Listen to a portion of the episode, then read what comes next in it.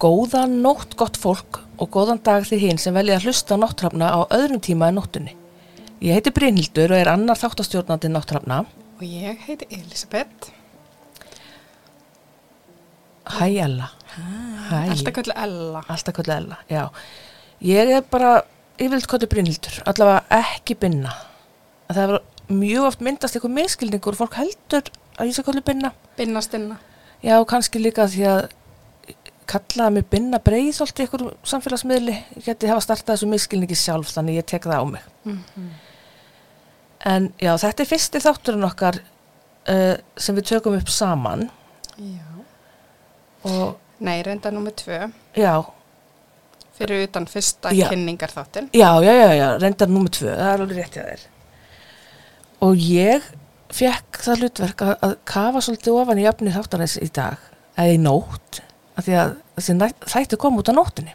Ég er svo spennt að heyra þetta sko, ég er ekkert búin að heyra. Þannig að ég býð bara spennt eftir uh, Já, þessu fyrðulega máli. eina sem þú veist er uh, bara þemað. Mm Og þemað sem ég valdi er dvíburar og mér finnast dvíburar alveg fáránlega spennandi konsept. Mér finnst því bara, mjög creepy. Já, mér finnst það eiginlega líka og sérstaklega eineika tvíburar. Af því að mér finnst þú ofbúslega creepy að geta komið tveir ofbúslega líkir einstaklingar út úr sömu manneskinn á sama tíma. Mér finnst það fáránlega creepy.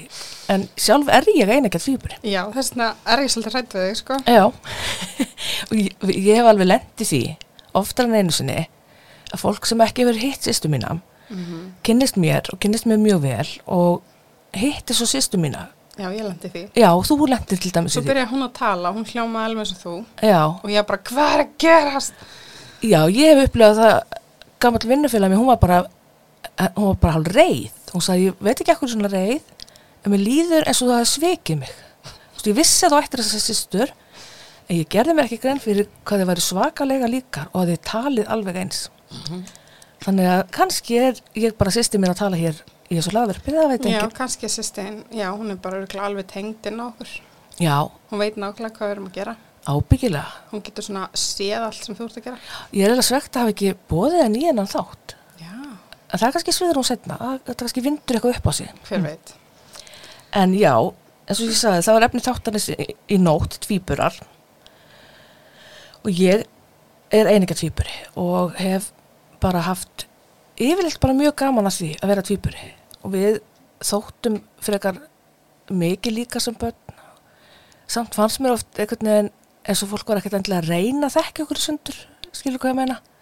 Að bara ákvaða að við værum bara alveg eins, til dæmis annar af okkar.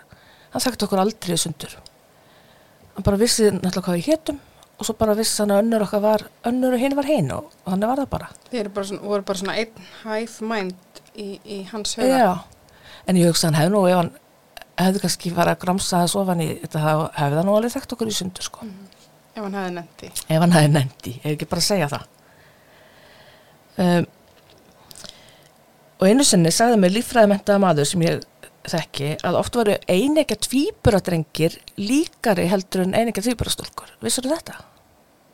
Ég bara hef aldrei heyrst þetta. Nei, hann sagði þetta væri vegna þess að eftir að sérst, uh, frumann skipti sér í, í fyrstu tilraun og þá verða meiri stökkbreytingar hjá þeim sem að eru með, Uppsvon neilitning. já, Mm. nei minni, Minni. já minni, já, minni já, stökkbreyting. minni stökkbreytingar þeim, þannig að þeir sem eru með exuslun í kynlitninga Mm og fæðist með þippi að þá eru það þeir einstaklingar sem að eru uh, oftar líkari heldur en þeir einstaklingar sem fæðast með XX mm. litningarna. Þannig að tvíburarnir í Shining hefðu kannski bara átt að vera drengir. Come play with us, Danny, forever and ever and ever. Já, það er kannski verið líkari. Og ég veit svo sem ekkert hvað er rétt í þessu, en ekki sérfræðingu sjálf, en ég var alveg máta þetta oft við, við tvíbura og mér finnst oft einhver tvíbura drengir vera líkari heldur að stólkur. En svo að því ég er sjálf tvíburu og ég þoldi það ekki sem barn þegar var verið að ruggla okkur saman. Nei, ég skilja vel. Já, það var óþólandi veginn að þá hef ég alltaf lagt mikið upp úr því, bara leiði ég kynnist eininga týpurum, bara finna strax sérkennin, bara hvað skilur þá að, svo ég sé ekki að ruggla saman. Það er allavega auðvelt með þig og sýstina, þið eru frekar ólíka týpur. Já, Bara holningin á okkur og, og allt sko er öðruvísi. og í dag erum við bara alls ekkert líkar, sko, eða mér finnst það ekki. Ég sé alveg líkindin en, en þeir eru allt, allt öðruvísi líka. Það er sístkina svipur, Jú, jú. reyndar á okkur öllum sístkinunum. En, ég er ekkert bara einega tvíburi, heldur ég er svo ótrúlega heppin að fá að taka þátt í uppeldi einega tvíbura. Ég fekk einega tvíbura í bónus þegar ég kynntist manninu mínum. Og það var alveg ótrúlega skemmtilegt. Einhvern veginn að spegla æskuna mína þegar ég sá samskipti tvíbura barnana minna. Og oft er svona einhver auka skilningu sem ég hafði á samskiptu þeirra og þurfti að stoppa kannski mannið mér svolítið af, bara nei, hér leifur þeim að leysa málinn sjálf eða, nei, nú er þetta bara að koma að, það stiga, að þú þetta stíga inn. Að því að ég svona, já, sá bara einhvern veginn minnstrið að því að við sýsturna voru nú æðið döglegar að, að rífast í ráði fyrir þó við sem er fína vinkunir í dag. Mér finnst það bara líka miskilningum með tvíbara að rápaslega margir sem að halda þegar að heyra í sér tvíburi ó, er ekki frábært að hafa svona einstakling sem er besta vinkonaðin í lífinu og, og bara deilir öllu með og bla bla bla bla bla ég hef aldrei átt í þannig samskiptu við sýstu mína Þú veist, ekki þannig, við rífist rosalega mikið sem krakkar, jú, jú, þetta deildu við alls konar með okkur en, en það var ek- ekki þessi tenging sem var svo margir tengja við tvíbura. En mig langar að vinda mig svolítið í staðrendinu tvíbura. Ertu til í það? Ég er bara mjög spennt. Ok. Vissið þú að 40% tvíbura búa til sitt eigi tungumál? Nei, ég veist það ekki. Nei. Og þá er þetta tungumál sem þau einskilja og nota til samskipta sína milli. Og ég hef alveg heilt fjölda af sögum um mig og sýstu mína sem sem við vorum að, að nota okkar eigi tungumál sem engin annar skildi. En svo náttúrulega hef ég unni með börnum í 25 ár og börn náttúrulega þegar þau eru ekki byrjað að tala þá bablaðu sína milli og svara með babli þannig að að- ég veit svo sem ekkert hvort að við höfum verið að tala eitthvað raunverulegt tvíburumál en það verðist vera að margir tvíburar Mm.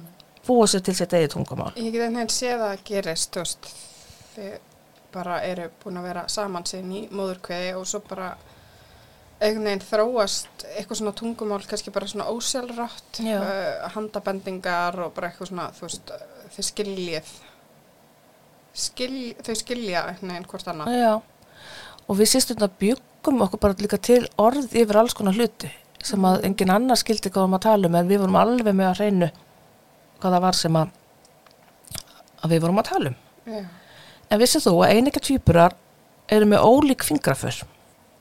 Nei, veistu það ekki, það er nú gott í mórumálum. Já, ég hef ansi oft hert í flekt að þetta fólk telur að eininga tvíbura séu með einsfingra för, en það er ekki staðrind. Þó að eininga tvíbura deili vissulega DNA-inu, að þá eru fingraför ólík, þannig að það, ég kemist ekkit upp með að klína eitthvað að sýstu mínu ef að fingraför eru til staðar. Nákvæmlega.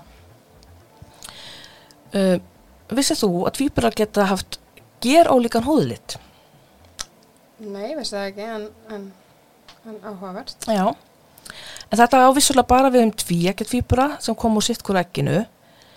Einekja tvíbura kom úr sömu eggfrumu og sömu sæðisfrumu og deila því sama DNA í langflestu, að langflestu leiti hreinlega ekki öllu. En það hefur gerst þó þessi sjálfgeft að tvíekja tvíburar para af ólíkum kynþætti eru með ólíkan húðlit. Og eins hefur það líka gerst að tvö egg hafa frjókast á sitt konu tímanum en deila leiði á sama tíma og þá hafa orðið til tvíburapör sem eru með sitt konu húðlitin því að feðurnir eru á ólíkum kynþætti, það var ekkert andil sami pappin sem að Já, eða með ólíkan húðleitt. Já. Já, einmitt. um, Vissið þú að tvíburar byrjaði að eiga samskipti í móðukviði á 14. viku? Það er ótrúlega krúllegt. Já, og rosalega snemma og, og rannsóknir hafa sínt fram á að tvíburar í móðukviði eigða um 30% tímans í samskiptu við hvort annað. Magna. Já, mér finnst það fellega sætt sko. Þegar hafa svona, hérna, hvað segir maður, bara svona heads up Já, á hinn bönn, algjörlega. á annur bönn, segi ég. Vissir þú að einegja tvíburar geta þróað með sér ólíka sjúkdóma? Um, það meikar sens því að Mhm. það er margt í umkörfinu sem maður getur valdið því að við fáum sjúkdóma og, og Já, það er rétt. Því verður oftur haldið fram að ef annar einegja tvíburi hafi ákveðin sjúkdóm, hafi hinn líka sama sjúkdóminn. En það er ekkert alltaf þannig. Og það er akkur þess að þú segir, að spila umhverfi og erðir stóran þátt. Og þó þau beri í sig möguleikan að fá sama sjúkdóminn, þá hafa utan að koma til atriði áhrif á það. Hvort að kviknir henni á sömu þáttum. Já, einmitt. Og, og, við sýstum deilum alveg hellings sjúkrasögu sem að við hefum alveg sammeginlegt en svo er bara líka ýmislegt sem skilur okkar að líka Já. Vissið þú að tvíburar geta átt sitt gott pappan? Jú, við tölum nú um það en að rétta þann uh, Það er með til í myndinni að frjókist á sikkunum tímanum þannig að hérna geta verið já, sérst tvö börn í móðu hverja sama tíma með sitt gott föðurinn Mér finnst það ótrúlega magna. já, Mm en ég las það á nokkrum stöðum að þetta er jafnvel algengara en fólk telur Ok, Já, það komið svolítið óvart sko. Þannig að maður veit aldrei. Hm. nei, nei, sagði. Uh, svo er hérna annu staðarind. Ef þú átt eitt sett af tvíekja tvíburum, þá eru þrísvalli fjóru sinni meiri líkur á að þú egnist annað sett af tvíekja tvíburum.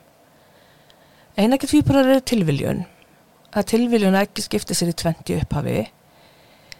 Tvíekja tvíburar aftur á móti verða til þegar fleira en eitt egg losnar við egglós og er það genetískur faktor og fleiri en eitt egg losni á sama tíma. Suma konur eru því líklegri til að sleppa fleiri egg, en einu eggi á sama tíma og það eigur náttúrulega líkur á tvíekja tvíburum. Jú, Og maður er alveg hert sögur af fólki sem á tvíekja tvíbura og ætla svo kannski að fá eitt í lokin. Og þá koma bara aftur tvíekja tvíburar. einmitt, hressandi. Já, mjög hressandi. Uh, Nígeria er það land í heiminum sem er með hæstu fæðingatíðinni fjölbura. Og það er líka það land sem er með flesta einekja tvíbura í heiminum. Þannig ef þið vissu þetta ekki fyrir, þá vitið það núna. Og getið jafnvel slegið um ykkur ykkur staðar. En þá getið þið líka slegið um ykkur uh, með þeirri staðarind að Kína hefur lægstu fæðingatíðinni fjölbura í heiminum. Það er bara sannig. Og tvíburar þeir geta átt sitt hvort fæðingadaginn. Já, auðvitað. Já, og lengsta bil á milli fæðingadaga einekja tvíburar eru 63 dagar. Tveir mánuðir, það er svolítið magnað. Það, það er, ég skil ekki, ég skil það ekki. Er það vegna þess að fæðing fer af stað og Já. er svo stoppuð vegna þess að það er fyrirburafæðing? Gæti verið, sko, nú bara kynnt ég mér ekki nánar, en ég hef líka einhvern tímann heyrt af sest, það sem að annar tvíburinn var í einhverju hættu og það var hægt að sest, ná í hann með keisara en ég get ekkert fara að hérna, slá þessu fram sig einhver staðrind, þetta er bara saga sem ég heyrði. Já, Já, þannig að ef það er eitthvað núti sem að getur leitt okkur í sannleika með þetta, þá er það rosalega, rosalega áhugavert. Og það hefur alveg gerst í dæminu að tvíburar hafa fæðist á sitt hver árinu þegar annar fæðist fyrir miðnætti að gamlars kvöld og hinn fæðist eftir miðnætti. Mhm. Og m- mér fannst það alltaf svo heillandi þegar ég var yngri. Langaði mér að, svo alltaf að þetta hefði verið staðrindin í okkur systurunum en ég var samt ekki tilbúin að vera svo sem fættist eftir einmitt. að því mér fannst nóg að vera einni mínúti yngri ég fikk alveg að finna fyrir því að ég væri töluvert yngri en hún svona he alveg heitli mínúti yngri en það hefði nú bara verið svolítið áfall fyrir sjálfsmyndina að vera svo árinu yngri. Svo er hérna að lokum mæður tvípur að lifa lengur en aðrar mæður. og þetta er líka eitt af því sem ég kafaði ekkert ofan, ég var ekkert að kafa ofan í þessar staðrendir en ég sá það á nokkrum stöðum að, að það hafi verið gerða rannsóknir þar sem er talið að mæður týpur að geti lifa lengur en aðra mæður Það er áhugavert. já, Með að við hvað þetta hlýtur að vera mikið álag. já, nákvæmlega já, Það er allt tala um að, að hérna, strákamæður lifi stittra en, en stúlkumæður. áhugavert já ég hugsaði það alltaf þegar ég var með mínar stelpur litlar hvað ég var gríðan að þakklátt fyrir að það væri bara eitt barn ég Mm sá ekki fyrir mér hvernig ég hefði átt að fara að ég að rúlla þessu upp með fleiri en eitt Nei, einmitt. en svo náttúrulega ef maður er bara í þeim spórum að þá Það kemst þetta einhvern veginn Já. upp í rútínu. að bara gera maður það sem að, það þarf að gera og, og, og maðurinn minn ef maðurinn minn gæti þetta þá þá hefði ég alveg getað þetta hm.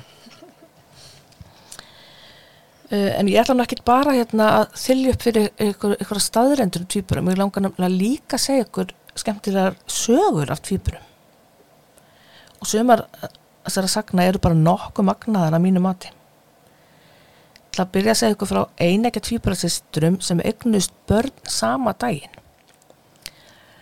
Það voru tvíburasysturnar Amy og Asli sem að upplifðu heldur betur óvenjulega gamlasdag árið 2012. Báðar voru barnshafandi en settur dagur hjá þeim var með viku millibili. En ég fann það hverki hvort það hafi verið eitthvað komnar að settum degi, hafi verið að eiga fyrir eða setna en það skipti það í sjálf og senningum máli. En það var þannig að Amy ringdi í mömmu sína aðfara nótt gamlástags um fjöguleitið og sagði henni að hún var í faran af stað í fæðingu. Tveimur tímu síðar fekk móðið þeirra svo sam, símtal frá Asli með sömu fréttir. Sýsturnar egnuðust svo sinni sína með tvekja klukkutíma millibili upp úr hádegi að gamlastag 2012. En ég er eiginlega með enn ótrúlegi sögu af tvíburum sem að ólu börn sama daginn. Það voru tvíekja tvíburasisturnar, Asli og Andrea. Og svolítið skemmtileg tilviljun að tvíbur á Parisi tala með áðan, þar var líka einn Asli og það er skrifa nákvæmlega eins, A-S-H-L-E-E. E Þannig að þær voru ó, líka óléttar á sama tíma og þegar þær eru uh, komnar um sex mánuða leið þá komast að báðala því að það ganga með tvíbura drengi og fá það staðfest að það eru settar sama dag. Uh, það eru settar 1. janúar 2005 og fæðingarna voru svo fyrirfram ákveðni keisarar sem mist ekkert gera þetta minna merkilegt og þær fættu sitt hvort parið af tvíburadrengjum með klukkutíma millibili á sama sjúkrahúsi þann 14. desember 2004. Hvorug sýstirinn notaðist við frjósimislif en þar sem það eru tvíekja eru tvíburar arfgengir í fjölskyldu þeirra. Andrea fætti tvíekja tvíbura en Asli egnaðist einekja tvíbura og það er einmitt ekkert sem bendi til annars en að einekja tvíbura sem er bara tilviljun. Mm, ég er svo hérna með sögu af einekja tvíburum sem að voru sameinaðar eftir 35 ár. Þetta er sagan af þeim Pólu Bernstein og Elise Shane. Það eru, eru einekja tvíburasistur sem fættust árið 1968. Það voru aðskildar við fæðingu og ættleitar á sitt hvori fjölskyldunni. En þrátt fyrir það upplifðu þar margt svipað í lífinu. Það voru til dæmis báða réttstjórar á skólablaðinu sínu í school, lærðu báða kvikmyndafræði í háskóla og verðu báða réttöfundar. Þær hittust fyrst þegar þær voru 35 ára gamlar en þá komast þær líka að því á sama tíma þær voru þáttakendur í umdeldi rannsókn sem átt að kanna áhrif uppeldis og erða á tvíbura. Rannsóknin hafi verið falinn fyrir fóstufórildum þeirra og niðurstöður hennar eru enn faldar í skjálasöfnum jægil vegna þess hver umdeldar svona rannsóknir eru. Því hafa enga niðurstöður og rannsókninni verið byrta en sísturnar eru þess fullvissar sjálfar að erðir spili stort hlutverk í þeirra lífi. Þar hafa til dæmis eins tónlistasmekk og eins smekk af bókmentum og ásamt í að vera bara mjög svipaðir persónuleikar. Svo að hér önnur saga, hún sérst, byrjar hér á jólunum 1999 þegar að Mac Lloyds og sjósfjölskyldunar fá þar fréttir að umsóknir þeirra um ætliðingu hafi verið samþyktar og innan tíðar myndu þau fá í hendurnar sitt hvora stúlkuna frá Kína. Fjölskyldunar þekktust ekki neitt en tilherðu hópi fólk sem hafi sótt um hjá sömu kanadísku ætliðingastofunni. Umsækjendur þar voru saman í spjallhópi, öruglega Facebook eða eitthvað svo leiðis og þar deildu fjölskyldunar myndum af stúlkunum sem voru vandalegar og tóku þá eftir hvað það varu svakalega líkar. Um, en báðar fjölskyldunar voru fullvissaðar af kynversku ætliðaukastofunni að stúlkurnar varu ekkert skildar.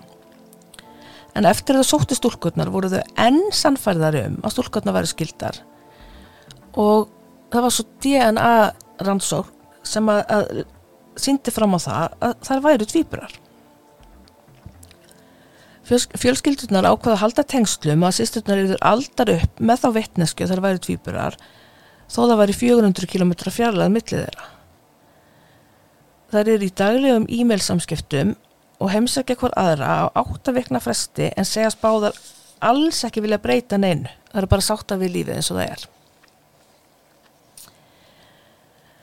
Svo er það hérna einegja bræður sem handlegsbrotnuði sama dag. Þetta var árið 2004 en annar þeirra, hann Mitchell Cox, datt úr rennibrautinu, já ok, Cox, ég flissaði líka svolítið yfir því, en hann sérst datt úr rennibrautinu í bakarðinum heima hjá þeim. Og þeir eru tveggjar og þegar þetta gerist og, og byggu í mannsestir eða Englandi. Og fóröldandi fara með hann á sjúkrahúsi þar og þar er þeim sagt að það sé bara allt í góðu lægi með hann. En hann var ekkert skoðað neitt ítalega bara svona eitthvað aðeins potað í hann og bara já já, allt er góð með því félagi, farðu heim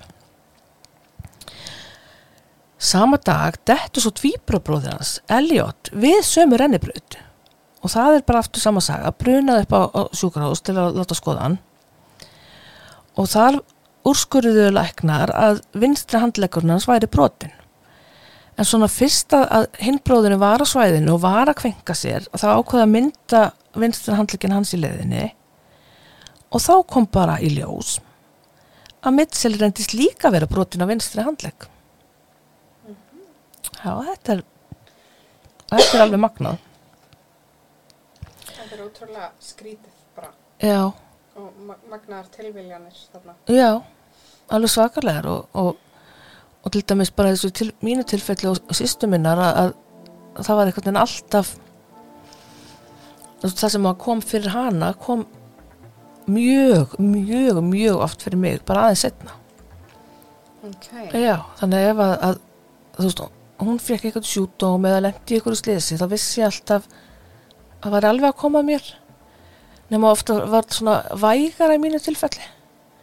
Um, já, þannig veginn skrítið. ef að þetta hefði verið við, hefði hún handlisbrotna á viku setna hefði ég handlisbrotna það hefði Einmitt. já, verið svona svoleiðis hjá okkur.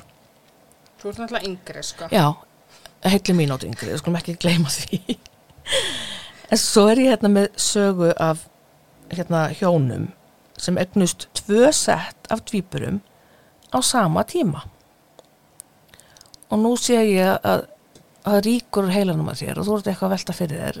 Hvernig, Um, tvö, ok, þetta eru svo sett tvö sett af einægja tvíburum já, í móðurkviði, þannig að það eru fjórburar sem eru tvíægja tvíburar. akkurat. Sko, já, gæti reiknað þetta út. Já, en þetta voru semst Lee N og Stephen B. Loyan sem áttu við ófrjósema stríða og hafðu að egnast barn í meir en áratug. Loks var Lee N ófrísk eftir tæknifrjókun og það voru settir upp tveir fósturvísar hjá henni. Það kom svo í ljós að báðir fósturvísarnir skiptu sér og gekk hún um tvö sett af einega tvíburum en þetta er mjög sjaldgeft og líkurnar á að þetta gerist eru einna móti 25 miljón. Þannig að Loren, Sarah, Benjamin og Samuel voru svo tekin með keisara þann 7. júni 2005. Hér kemur svo eina mínum uppáhaldssögum. Það var árið 1998 sem einekja tvíburasisturnar Diane og Darlene Nettemæjar hittu einekja tvíburabræðurnar Craig og Mark Sanders. Hvar veltið þið kannski fyrir ykkur? Jújú, jú, þar hittu þá á árlega tvíbradagsfestivalinu í Twinsburg í Ohio. Eða tvíbraborg eins og það útlegst á okkar eilhýra máli. Akkur eru við ekki með tvíbraborg hér, eða tvíbrabæ? að þeir verður svo fá. Það er svo fá. Það var nú gaman að það væri bara svona hverfi hérna á höfuborgarsvæðinu sem að byggja bara tvíbra. Tvíbur og fjörður. Já, Það sem bara svona skrýtnir tvíbur Já. búa. ég myndi, Svona einsendu fólk. Ég myndi absolutt flytja í hérna tvíbra, tvíbra Ég er ekki bæ. sem þú fengir sýstuðina með þér samt. Nei, reyndar ekki. Nei, já, þá fellur það um sjálft sig. En sem sagt, eftir að pörin höfðu deytað í eitthvað tíma, fóru þau í ferð til Las Vegas, þar sem þau gekk svona alveg glimrandi vel í pókerspili. Og þau verður svona hreint inspireruð af sigurvímunni, að þau bara trúlofa sig á staðnum, semst bæði pörin, og gengu svo í hjónaband stuttu síðar í sameilegri aðtöfn. Pörin festu kaup í húsum hlið við hlið og byggu þannig árum saman. Og þetta finnst mér alveg æðislega sætt og fallegt og magnað. En sagan, hún er nefnilega ekki búin. Það ótrúlega gerðist svo að Diane og Craig egnuðust síðan einegja tvíbura. Þannig að mamma var einegja tvíburi, pappin var einegja tvíburi og þau egnuðust einegja tvíbura og þetta er bara alveg bara svakaleg uh, bara sjálfgeft og magnað og, og allt. Ok. Já, En ég, mér, ég hugsa bara, já, ég meina auðvitað. Þau, þau eru bara að kalla þetta yfir sjálft sig, sko, sjálf sig að vera, vera eitthvað að, ruggla saman reytum. já, já, En ég já, en þetta er greinilega sjálfgeft. já, þetta er mjög sjálfgeft. Og mjög já, og einegi er tilviljun, þannig að þú veist, maður hefði skilið þetta ef að ef, ef að þau verið, mamman verið tvíekja tvíburi og svo þau eignast tvíekja, þá þetta verður bara svona já, já, þú veist, þetta er bara genunum þínum, en þetta er bara tilviljun. En ég er með smá fönnfakt hérna, fyrir hérna í vísenda Brynhildi. Uh, þar sem einega tvíburar deila sama DNA, þá eru börn einega tvíbura í raun skildar en börn annara systkina.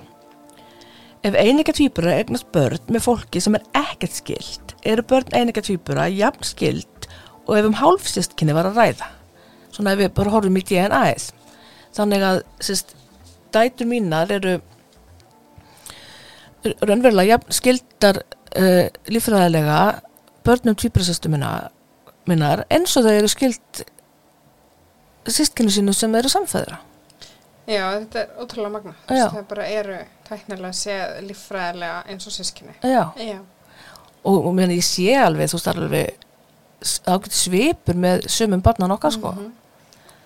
þannig að en aftur á móti ef að einega tvíburar eignast börn með einega tvíburum þá eru börnin jafnskild og ef um allsystkini var að ræða þannig að börnin þeirra Diane og Craigs eru erðafræðilega séð jafnskild börnum Darlin og Marx eins og um allsystkini var að ræða Megni. Já, það er svolítið magna sko. En ég er hérna með sögu af systrum sem byggu í litlum bæ í Vels. Og Vels er náttúrulega alveg miklu uppáhaldi hjá mér, þar sem ég er gift manni frá Vels. Langar svo að fara til vels. Já, förum saman til Vels. Já. Ég held að það bara sé bara lítið brot af landinu í þar einu heimsókn sem ég hef farið sko. Mér langar svo að fara á Green Man Festival. Hvað er það? Tónlistaráti. Heldur ég hefði gaman að henni? Segjum það bara. Já, ok. En menna, ég, er alltaf til að fara En ég er samt alveg til að fara bara á eitthvað flip í vels líka, Já. sko. kannski eftir að samsætti þetta eitthvað. Keirum velskar sveitir og, Já. og hérna, já, En það er Jennifer og June Gibbons, það, það er um þessar sýstu sem ég ætla að segja ykkur frá og það er, voru, voru einegja tvíburar, fættar árið 1963 og ólust upp í þessum litla bæi Vels. Og það voru einu svörtu nefndurnir í skólanum og urðu fyrir miklu einelti. Uh, og mér skilst að það hafa átt rætur sinir að rekja til Barbados. Eineltið gerði það að verkum að þær urðu ennþá hléttrægari en þær voru fyrir. Þær hættu að tala við annað fólk og fóru engung að tala við hver aðra. Og þær notu tungumál sem enginn skildi og töluðu sína milli einhvers konar útfæslu af kreólmáli og ensku en það töluðu líka mjög hratt sín á milli og það er mjög algengt með tvíbura að tala tala svona hraða sín á milli að því að já, Já, ég get séð hvernig það gerist. já og þannig var þetta með mjög og sýstu mína og fólk var að segja okkur að hægja á okkur og, og það hafði ekki hugmynd um hvað við vorum að tala þegar við vorum að tala okkar á milli sko en við höfum nú held ég eitthvað hægt á talinu okkar á milli í dag sko, komnar að 50, 50 aldurinn. Segðu. Gripu inn í og reyndu að fá stelpunnar til að tala en það gekk ekki upp og endanum voru þær sendar í sitt heimavistaskólan til þess að skilja það rækilega að og mér finnst það nú bara að vera algjör mannvonska. Mér finnst það mjög ljótt. Já. Svona gerir maður ekki. Nei, en þetta er hann eitthvað, tíman 70 eitthvað, 60 eitthvað, 70 eitthvað. Uh, síðar urðu þar sameinaðar á ný og byrjuðu þá að búa til sameigilega sögur og leikrið til sábóperu stíl. En það tóku meira að segja upp, teip, upp á teip nokkrar sögurnar fyrir Rós yngri sýstu þeirra. Og uh, sem að var bara svolítið merkilegt því það töluðu ekkert við neitt annan sko, en það töluðu þarna inn á teip einhverja sögur fyrir sýstu sína og flestar þessar sögur voru um unga menn og konur sem síndu á sér undarlega hegðun í kvívetna og stundu glæpsamlega yðju. Um átjónara aldur fóru þær að nota fíknefni og áfengi og tóku upp á því að brjótast inn til fólks, fremja skemmtarverk og kveikja í. Og þessi yðja leiti til þess að þar voru tíðir gestir að brótmúr sjúkarhúsinu sem var geð helbriðistofnun með miklu öryggisgeslu. Þar voru sýsturnar í heil 11 ár allt í allt. Og meðan þær voru á brótmúr fóru þær að trúa því að til að önnur þeirra geti lifað eðlilegu lífi yrði hinn að deyja. Sæðilegt. Mm Og það rættu þetta í bak og fyrir og Jennifer, Jennifer ákvaða fórna sér. Jésús.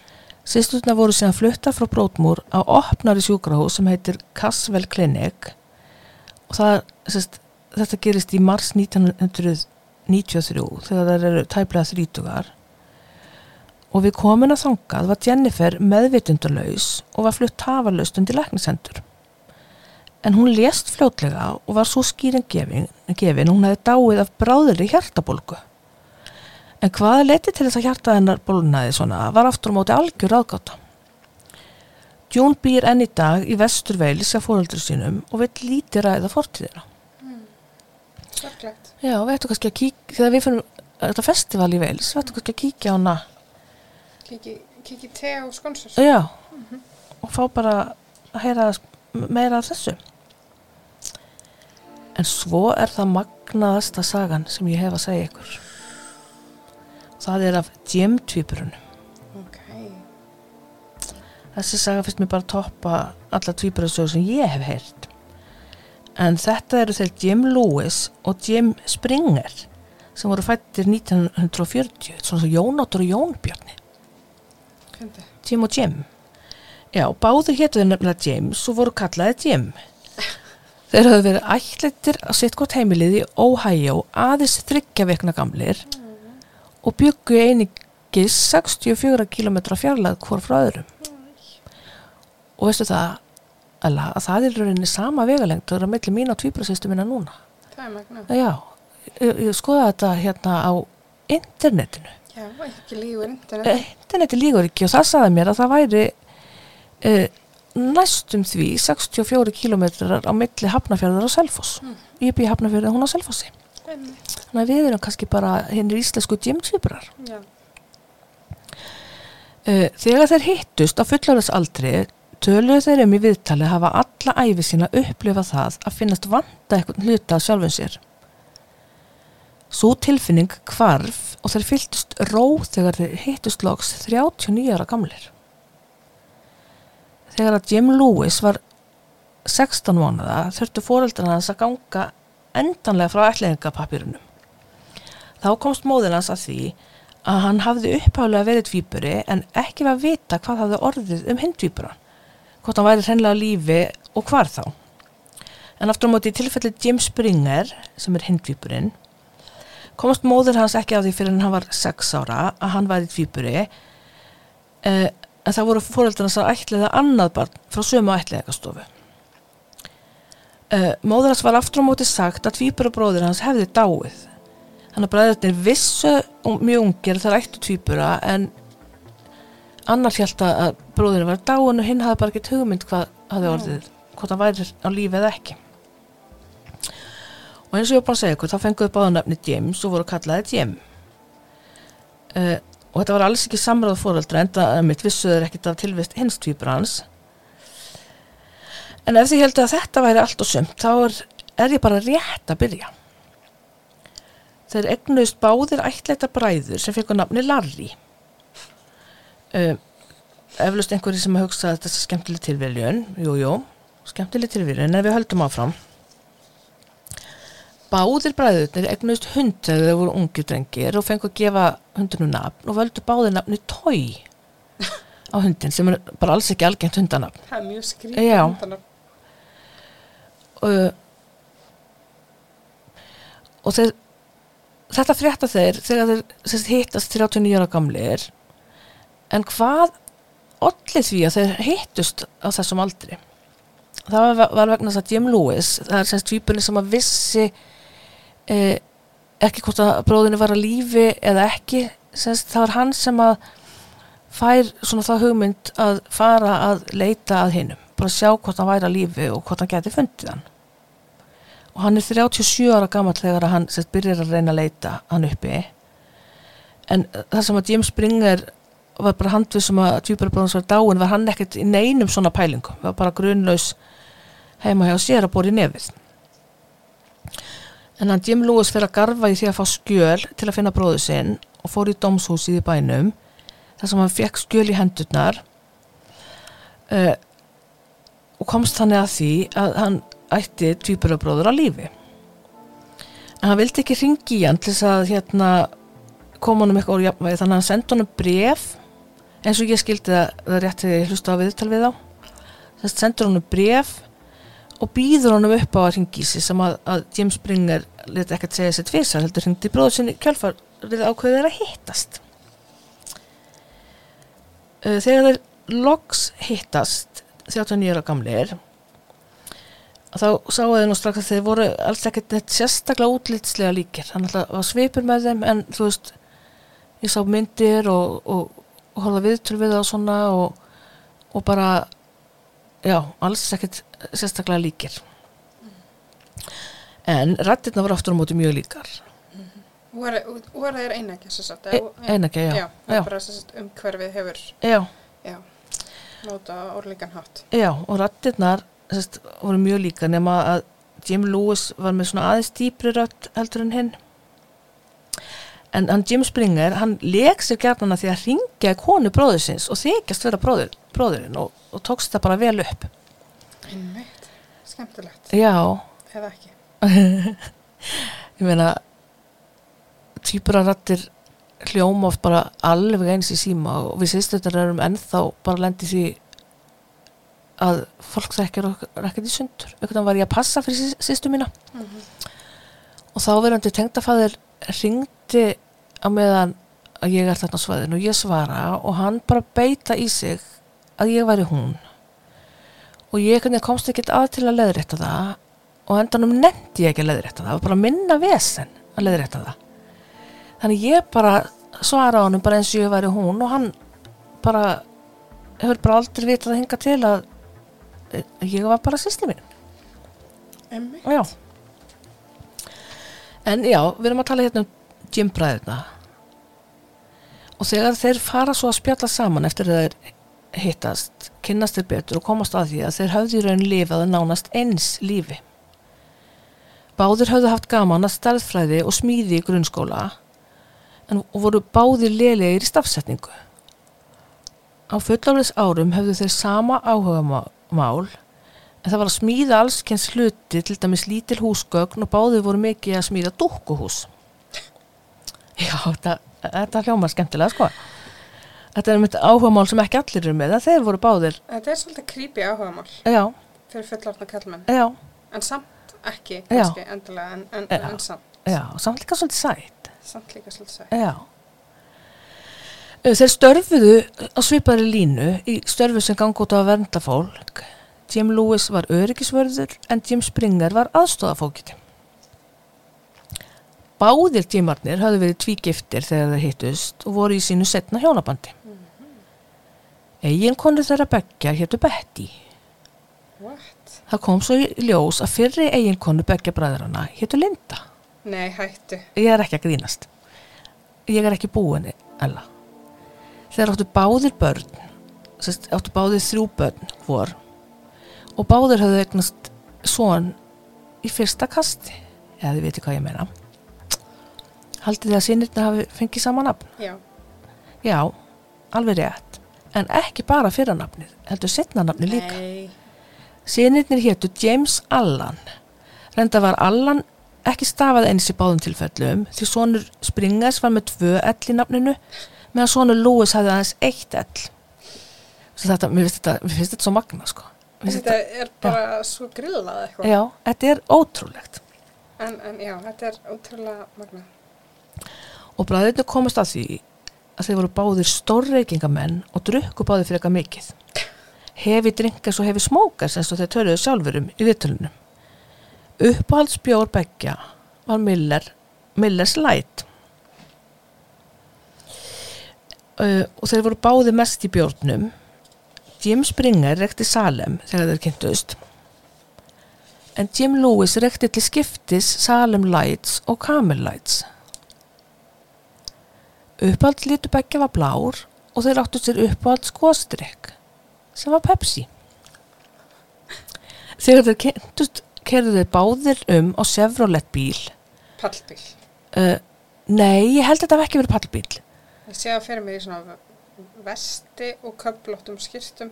Já, þú ert alltaf ekki búin að sjá það. Nei. Nei, þú sér það. Vi, vi, við munum byrta myndir Já. af þeim á, á hérna Helstu á samfélagsmiðlum. samfélagsmiðlunum okkar. Já. Já, þeir sett kerðum á eins bíl og svo voru þeir vanir að fara í frí á sama stað. Ekki bara í sama fylki, heldur heimsóttu þeir reglulega sömu ströndina í Flórida. Ok, þetta er bara svo Íslendingar fara alltaf á svona staðina. En það er svo í februar 1979 sem bræðið saminast loks og þeir vöktu strax áhuga hjá sálfræðingum stöðurlangaði að skoða það betur. Dr. Thomas Bouchard hjá háskólanum í Minnesota bauð bræðurinnum að taka þátt í rannsókn sem var um tvíbura sem voru sameinaðar af ný. Sjúkrasaga þeirra var kortlögð og þeir settir í allskins líkamleg próf. Heilabylgjupróf síndi að heilabylgjur þeirra voru nánast eins og reyndist sjúkrasagan líka mjög lík. Lagt var fyrir bræðurna persónuleika próf sem kom mjög svipað út og var talað um að það var í raun eins og sama prófið hefði verið lagt fyrir sömu manneskuna tvisa sinnum. Svo líki reyndist bræðurni vera. Þeir áttu að svara hátt í 10.000 spurningum í sitt hverju lægi sem reyndist oftast vera einsvarað eða mjög svipað. Og þeir áttu meðal annars að teikna mynd þar sem þau máttu velja bara hvað sem þau vildu teikna og þeir völdu báðir að teikna mannesku sem þau teiknuðu að svipaðan hátt. Eins áttu þeir búið til sögu út frá myndum af hlutum sem þeir voru, sýnd, þeim voru síndir og sögurnar þeirra fjölluðu um það sama. Sögurnar fjölluðu um fjölskyldu sem var á ferðalagi og fjölskyldan átti ákveðin fjölda barna sem var eins í báðum sögunum og móðurinn var barnshafandi í báðum tilfellum. Uh, ég segi nú bara ótrúlegt eða ótrúlegt. Mér finnst þetta bara, Þetta er mjög ótrúlega Já. þetta er alveg magnað. Hvað er ég búin að segja magnað oft í þessu þætti? Mjög oft. Já, Það er alveg magnað. það er alveg magnað hvað ég er búin að segja magnað oft. Ha, ég, ég held bara áfram að segja magnað sko. En það finnst mér þetta alveg, alveg sent magnað. Í dag eru þeir komnir yfir áttrækt og eru ekkert í sviðsljósinu. En fljótlega eftir að þeir hittust skildi Jim Lewis við Betty sína og giftist Sandy.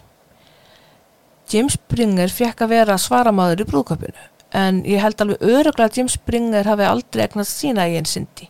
Nei, En þeir eru enn á lífi þannig að við útilokum ekki neitt. nei, nei, það getur allt. Það getur allt gerst. Hmm.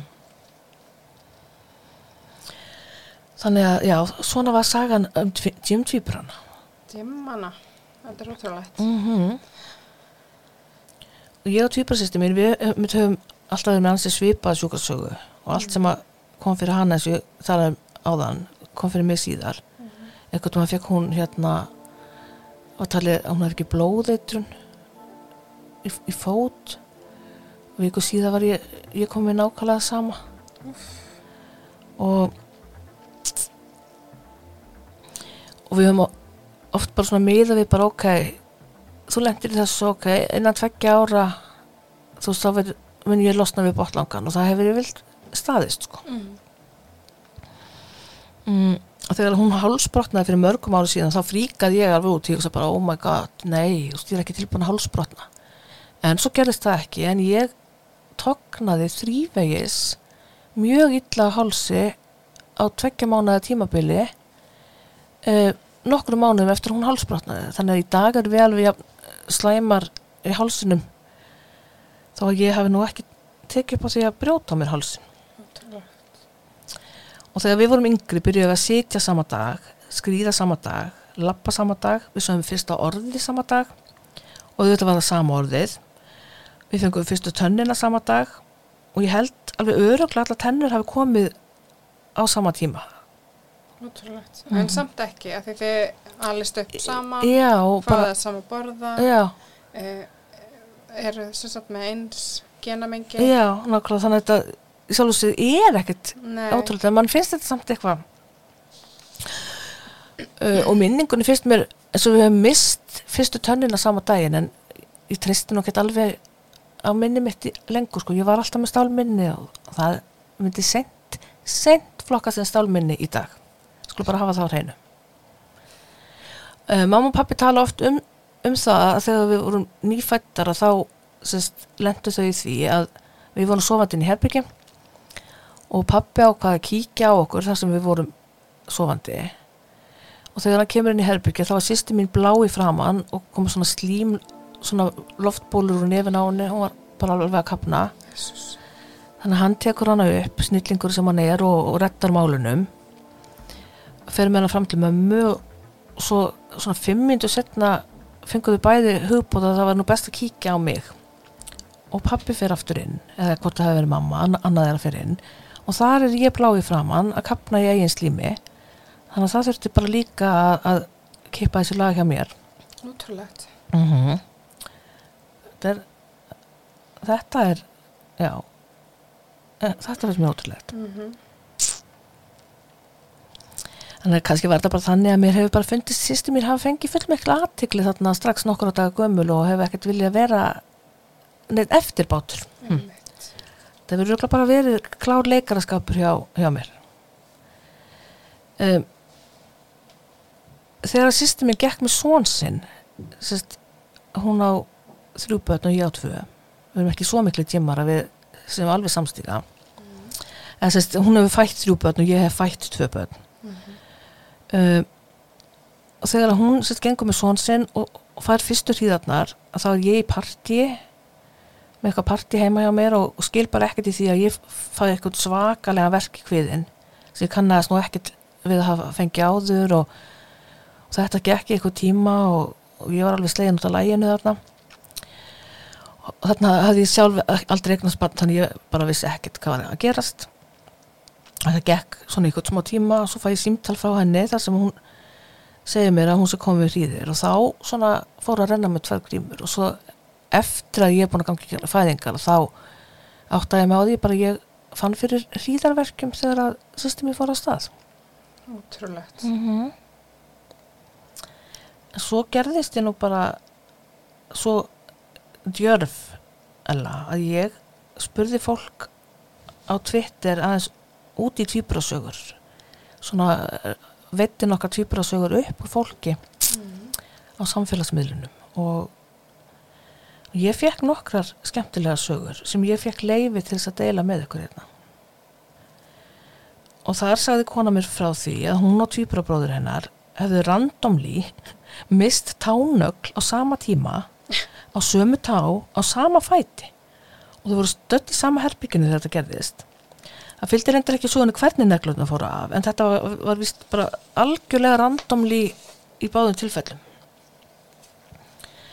ég fikk líka að heyra sem sagt sögu frá einni tvíburamóður sem að á tvíburadætur. Og hún sagði mér að það hefði velt sér í fyrsta skipti yfir á magan með 20 sekundar millibili. Það fengur líka fyrstu tönnina í sömu vikunu og fór að lappa líka í sömu vikunni. Sest, sa- samt ekkert sömu vikunni og tönnin heldur, já. Og almennt hafa þau verið mjög samstíga með allt í lífinu. Svo var sérst, einn manneskja sem er tvíburið sem sagði mér frá því að hún hefði farið í Eymundsson og pantað sér kaffibotla og meðan hún var að býða eftir kaffinu var þenni hugsað til tvíburan síns. Og hvort það var ekki best að ringi hana. Þegar viðkomandi fór svo að sækja kaffið sitt, þá stóð tvíburasistinni við afgjörsluborði og var að panta sér kaffi. Og hún hafði með þess að þessi tvíburasistir verið inn í Eymundsson þegar að manneskjana ákvaða að fara inn og fá sér kaffi Einmitt. þá var hún að Eymundsson var bara að skoða bækur og svona þannig að hún var komin að inn sko. Fannst einhver sögur af einhver svona siðblendum tvíburum sem að gera eitthvað ógslegt í sikkur lægi en komast, upp með það já, e Já. E eða þú veist, já, já komast nei, að, nei, nei e- e- menn samáli te tegja hennan þátt í annan típur að átt setna sko. já, hver veit, hver veit, hver veit hvað kemur út úr þessu mm. svo var eins vísa á Twitter sem saði mig frá föðurömmu sinni heitinni sem átti tvíburabróður og voru þau sístkinin afarnáin þegar hann fekk hjartáfall út að sjó þá sagðist ammennar hafa fundið það og vita að hann var dáin áður en hann kom í land og þetta er náttúrulega fyrir tíma þú veist símana og, og Mm. allt þetta þannig að hún bara vissi þegar bátur var leiðin í land að, hann var í dáin uh, svo er ég hérna með sögu af tvíekja þrýpur sem að verða til, til þegar tvö ekk losnaði á sama tíma og frjókust svo skipti annað ekki sér í tvent og, og verður í rauninni einegja tvíburar í þrýburasættinu mm -hmm. uh, sem þetta uh, og annar þarna, einegja þrýburinn eða einegja, já önnur einegja manneskinn í þessu þrýburasætti uh, er mamma konuna sem sagði mér söguna. Og hún sagði mér að sýsturna sem voru einegja voru svakalega líkar og alltaf verið að ruggla það saman. Önnur þeirra fekk gjörsamlega nóg einn daginn og ákvaða að gera drastíska breytingu á hárinu til að koma í veg fyrir að þeim var rugglað svona saman. Hún ákvaða að fara í klippingu fyrir höfðu þar haft sítt brúnt hárun niður á mitt bak en hún let klippa það kjálka stutt og fekk sér topp. Semst alveg stór og mikil breyting. Hún fór svo hitti sýstu sína setna um kvöldið og ætlaði að koma inn á óvart. En úps, sýstirinn hafði vist gert nákvæmlega sama, sama dag. Það voru báðar komnan með kjálkastutt hár og topp ótrúlegt. já, Ok, ég er búin að segja ótrúlegt, mjög ótrúlega oft. já, Magna Kár búin að segja ótrúlega oft Svolítið pyrrandi, örglega, fyrir hlustendur. já en það verður kannski hægt að breyta sér drikkuleik bara fá sér sopu, hvert skiptið sem Bryndu segir magnað og hvert skiptið sem Ella segir ótrúlegt Geta verið. já, að fólk eru örugglega komið bara blackout hérna í lók þáttarins Það fer eftir hvað er að drekka. já, reynda, reynda, reynda Geta verið að fara að titra á það með kaffi eða... Já. En ég fekk sérst að heyra líka sérst söguna af þrýbura fæðingunni hjá þrýburunum sem ég var að tala um hérna rétt, rétt á þann. Panta ekki fæð þrýbra. Nei, panta ekki fæða þrýbura heldur. En ég ætla að láta söguna fljóta hér með í lokin. En það ansi reynd smellin, ha. Hún var ekki mögnu núna, hún ansi smellin, ha. Þegar móðinni var ólétt af þrýburunum voru engin sónartæki og grunaði hann ekki einu sinna börnin æ- gætu verið tvö. Það týðkaðast ekki að hafa feður með í fæðingunum þannig að maðurinn hennar fekk símtal. Sæl, það er eitt barn komið en við höldum að það sé annað á leiðinni. Og hann fær bara að láfa að hugsa bara, oh my god, tvíbrar, þú veist, shit. Það líður og býður og aftur færa símtal þar sem honum er sagt að annað barn sé fætt og það sé haldið að þriðja sé á leiðinni. Og þannig er hann bara komin á buguna mót bara ekki alveg það sem hann átti vona á. Svo er ringt enn og aftur með þar fréttir að þrjú börn séu fætt og líklegast að fjórða á leiðinni. Svo ringi símin aftur og aftur og aftur en maðurinn neita að svara af ótta við hvað það kæmi næst. Fjórðabarnið reyndist svo uh, vera stór þrýburafylgjan en það má alveg til gamans geta fyrir áttuðu heima tæplega einsars gamalt barn. Og svo kemur hún heim með þrýburan þetta er á tímum hérna tauplegana þegar þetta hand svo það er. Já, mjög hressandi. Uh, en mér þætti alveg rosalega gaman að heyra ef það eru tvíburafóröldur að núti sem eru með eitthvað svona skemmtilega reynslusögur af börnunum sínum eða bara frá tvíburum sjálfum sem að geta sagt bara reynslusögur af sjálfum sér þá væri nú bara gaman að, fá þær. Og það er alveg hægt að senda okkur slíkar sögur á e-mailið nattrafnarpodcast at gmail.com eða á Instagram, þar erum við með Instagram-rekning, það sem nota þetta nafnið er nattrafnarpodcast svo erum við með like síða á Facebook. Það sem er líka hægt að senda okkur skilabóð og ekki gleyma Twitter því þar erum við með aðgangin náttrafnar eða nattrafnar Endilega, fylg, endilega fylgja okkur bara á öllum helstu samfélagsmeilum já, bara endilega og, og, og hérna segja okkur hvað eitthvað finnst já. um þáttinn. og ef að einhver nennir að hlusta á okkur að þá er bara aldrei vita nema við gerum bara hérna spjallgrúpu á Facebook Hver veit? já, Hver veit? en það bara, kemur í ljós síðar kannski er engin, engin að hlusta á þetta þá kemur það bara í ljós þannig þetta er það sem ég hef að segja þér um tvíbura Já, þetta hefur verið virkilega fróðlegt og áhugavert og, uh, og örlítið óhugnalegt á sama tíma. mm -hmm. Um, þá þökkum við bara fyrir já, þessa nóttina þessa nóttina og bara bjóðum ykkur góðan dag eða góða nótt. eða já, gott eitthvað Gott. gott í sálina Bless, bless. Bless